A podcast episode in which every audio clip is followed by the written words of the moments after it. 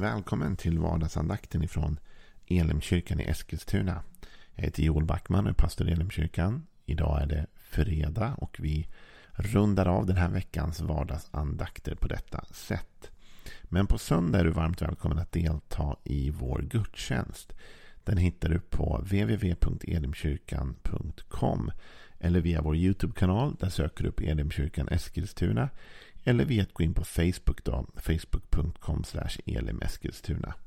Där hittar du länkar och allting. Så 11.00 på söndag är det premiär för den gudstjänsten. Och det är jag som kommer att predika och det kommer att vara mycket härlig musik och mycket annat. Så missa inte det. Var med. Vi avslutar nu den här eh, sessionen med Jesaja. Det känns ju lite tråkigt.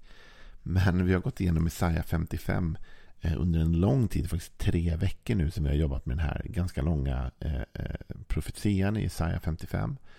Och eh, vi har fått ut väldigt mycket av den. Och nu när vi kommer till avslutningen så är det som att det knyts ihop. Den här eh, sista verserna vi läser är återigen lite annorlunda. Här, när det blir så här långa profetier så ändrar de ofta lite så här eh, stil och lite fokus eh, under vägen. Då. Och nu när vi kommer till slutet, vers 12 och 13, så står det så här. I glädje ska ni tåga ut och ledas hem i trygghet. När ni kommer brister berg och höjder ut i jubel. Markens alla träd klappar händer. Istället för törne ska det växa cypresser. Istället för nässlor myrten. Det ska vara ett äreminne åt Herren, ett evigt oförgängligt tecken. Den här kan man ju fundera med på. Vad ska man göra med en sån här, de här verserna egentligen? Men det första man ska göra är att sätta in dem i ett sammanhang. Så vad handlar det här om? Vad är det vi läser här? Jo, men vi läser ju en, en, en profetia som började hur? Jo, den börjar så här. Kom, alla ni som törstar. Kom hit och få vatten. Kom även om ni inte har pengar. Och det börjar med eh, och vers 2 säger varför lägger ni pengar på det som inte är bröd, er lön på sånt som inte mättar. Det börjar ju ganska jobbigt. Vi har redan varit inne på det. Den förändring som sker i den här profetian som börjar tungt. Med ett folk som hungrar, som törstar, som inte har det de behöver. Och som lägger sina pengar på fel saker och inte är tillfredsställda. Inte känner glädjen över det där. Eh, och så går det därifrån. Det är där vi börjar. Och nu helt plötsligt har vi landat i att folket kommer tillbaka till Gud. I glädje ska ni tåga ut och ledas hem i trygghet. När ni kommer brister berg och höjder ut i jubel. Markens alla träd klappar händer. Och sen den fantastiska versen 13. Istället för törner ska det växa cypresser. Alltså här är förändringen gjord. Och det här är det mest fantastiska med Gud. Och, och det som jag anser vara kanske det starkaste Guds argumentet. Alltså jag undervisar ju på vår bibelskola i Elimkyrkan, Bibelskola Tillsammans då, som är ett samarbete med Bromma folkhögskola. Kan du kolla upp om du vill. Eh, och eh, i en av kurserna vi har så är det apogeletik och det är försvar av den kristna tron.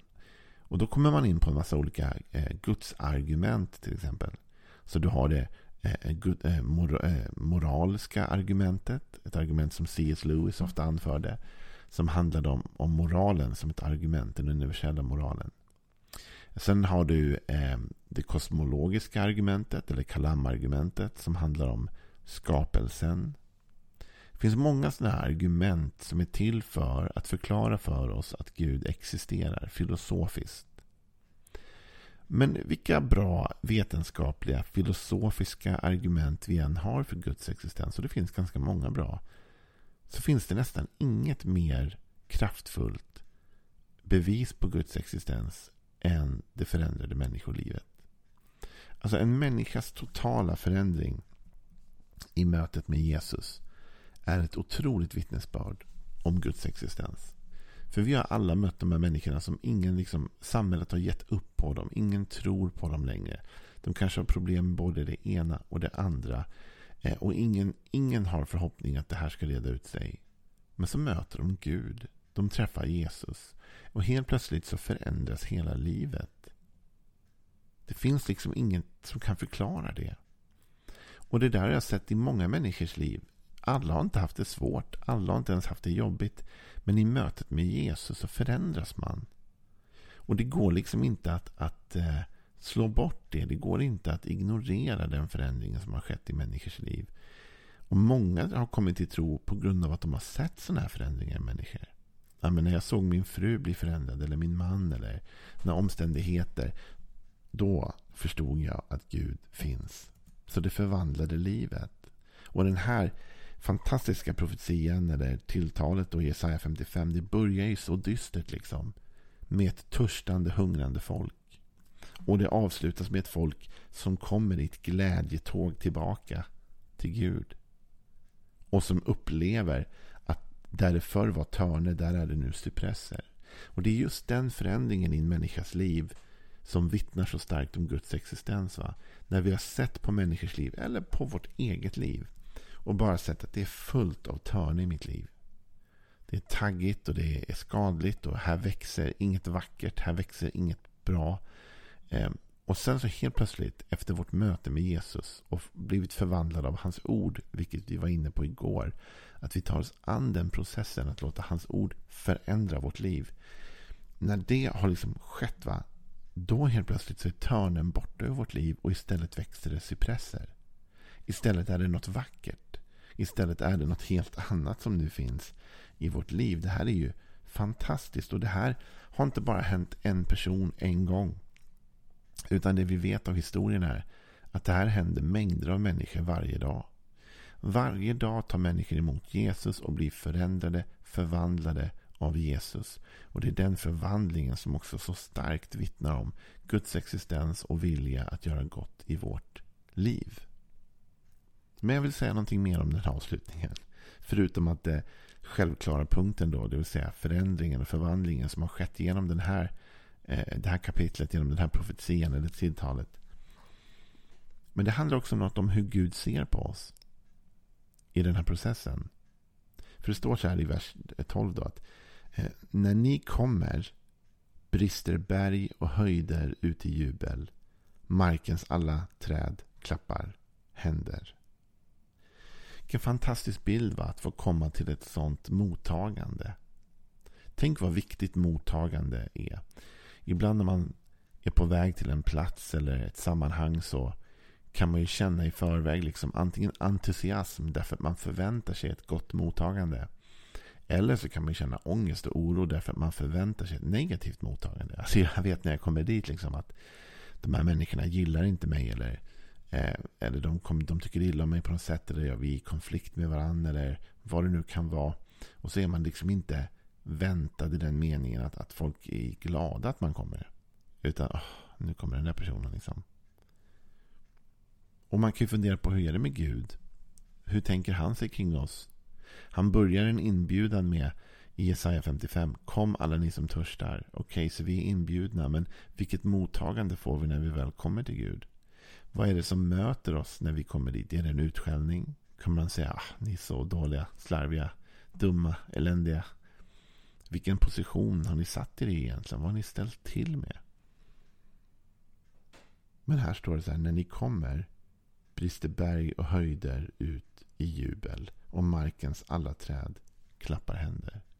Vilken fantastisk text som beskriver Guds förväntan och längtan efter oss. Att skapelsen är till för oss och liksom är vår, vi är skapelsens krona. Va? När vi kommer då jublar skapelsen och Gud jublar över att vi kommer till honom.